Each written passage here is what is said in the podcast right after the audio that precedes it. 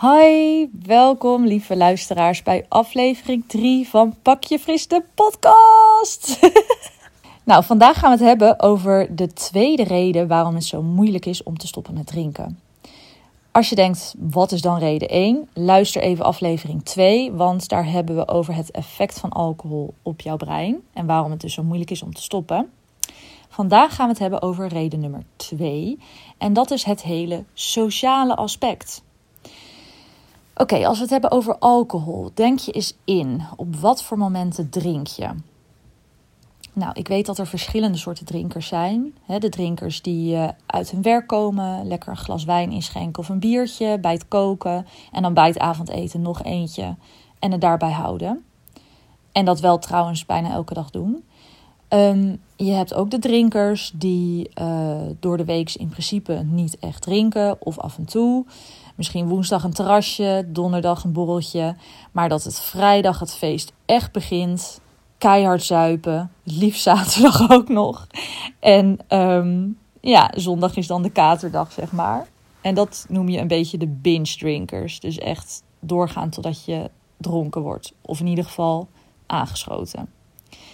Nou, ik, dit zijn dus even twee soorten drinkers. Natuurlijk heb je ook nog uh, andere drinkers. Weet je wel, ook je hebt ook mensen die heel af en toe drinken, maar uh, eigenlijk ook helemaal willen stoppen. Uh, maar goed, een beetje globaal gezegd heb je dus die twee types. En als je dus indenkt op de momenten waarop je drinkt, is dat heel vaak in sociale situaties.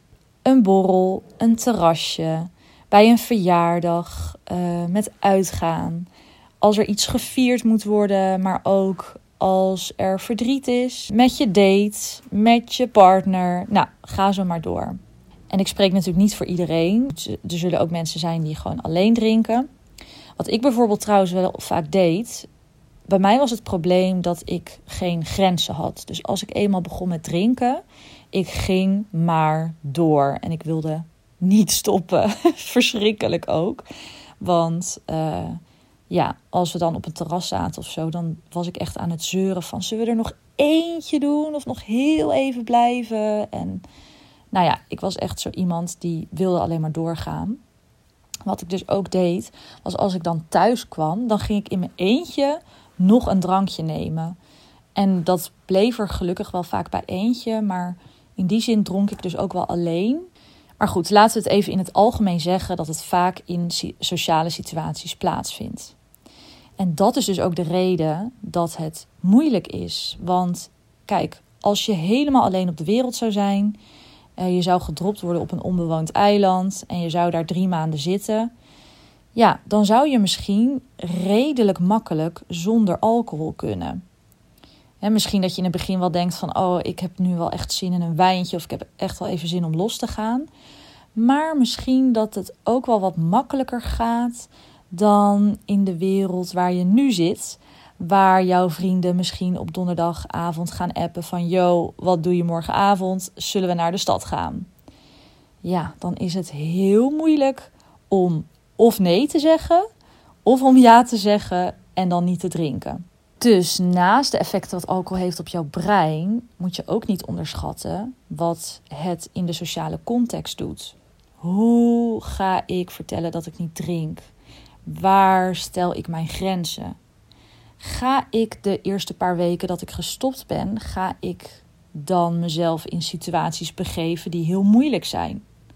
Ik heb bijvoorbeeld zelf besloten dat de eerste paar weken dat ik in principe niet mezelf in situaties wilde begeven waar veel gedronken wordt, omdat ik gewoon weet dat is gewoon heel moeilijk. Toevallig was het zo dat volgens mij na twee weken of zo dat iemand vroeg op mijn werk van... Oh, wil je alsjeblieft niet mee naar de borrel? En die had toen heel lief voor mij ook 0.0 biertjes gehaald. En dat vond ik toen zo aardig dat hij daaraan dacht. Dat ik dacht van nou, ik ga wel mee. En het fijne was wel dat het lukte, weet je wel. Dus het ging heel goed en ik was heel sociaal en lekker gekletst. En het was eigenlijk prima. Dus in die zin is het ook fijn om te ervaren in het begin dat dat dus kan. Maar wees ook niet te streng voor jezelf. Hè? Dus ja, uh, voel je niet al te schuldig dat je misschien een afspraak afzegt. Of dat je dan misschien even niet naar de stad gaat. Ehm, want ja, dan maak je het jezelf zo moeilijk. Eigenlijk zijn dat de moeilijkste situaties om niet in te drinken. En voor sommigen hoor ik je al een beetje denken van... Ja, leuk Eline dat je dat zegt. Maar er zijn heel veel situaties in mijn leven waarbij alcohol gedronken wordt. Dat had ik namelijk zelf ook. Ehm, ja, dan zou ik voor jezelf een beetje een onderscheid maken in uh, bepaalde situaties die heel moeilijk zijn om niet te drinken. Dus bijvoorbeeld echt het die hard uitgaan waarin je weet dat iedereen helemaal dronken is. En bepaalde situaties waarin je jezelf misschien wel op een fijne en veilige manier kan uitdagen. Dus bijvoorbeeld één op één met een vriendin afspreken. Een vriendin waarvan je ook weet dat zij je support in het stoppen.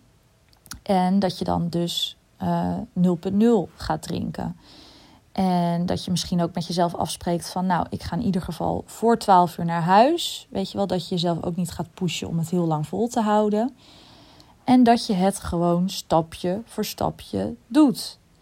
Je hoeft het echt niet in de eerste maand al helemaal te kunnen. Dus het uitgaan en de terrasjes en helemaal je oude leven zonder alcohol. Je moet gewoon bepaalde situaties veranderen als je je gedrag wil veranderen, als je je drinkgedrag wil veranderen. Dus in het begin zul je echt ja, gewoon eerlijk naar jezelf moeten zijn van wat zijn de situaties die ik nu aan kan. En weet ook dat over een tijdje dat het echt makkelijker wordt. En dat je ook die moeilijke dingen aan kan. Maar in het begin wees gewoon een beetje rustig en aardig met jezelf. En maak het jezelf niet te moeilijk. Dankjewel voor het luisteren naar deze podcast. Tot de volgende.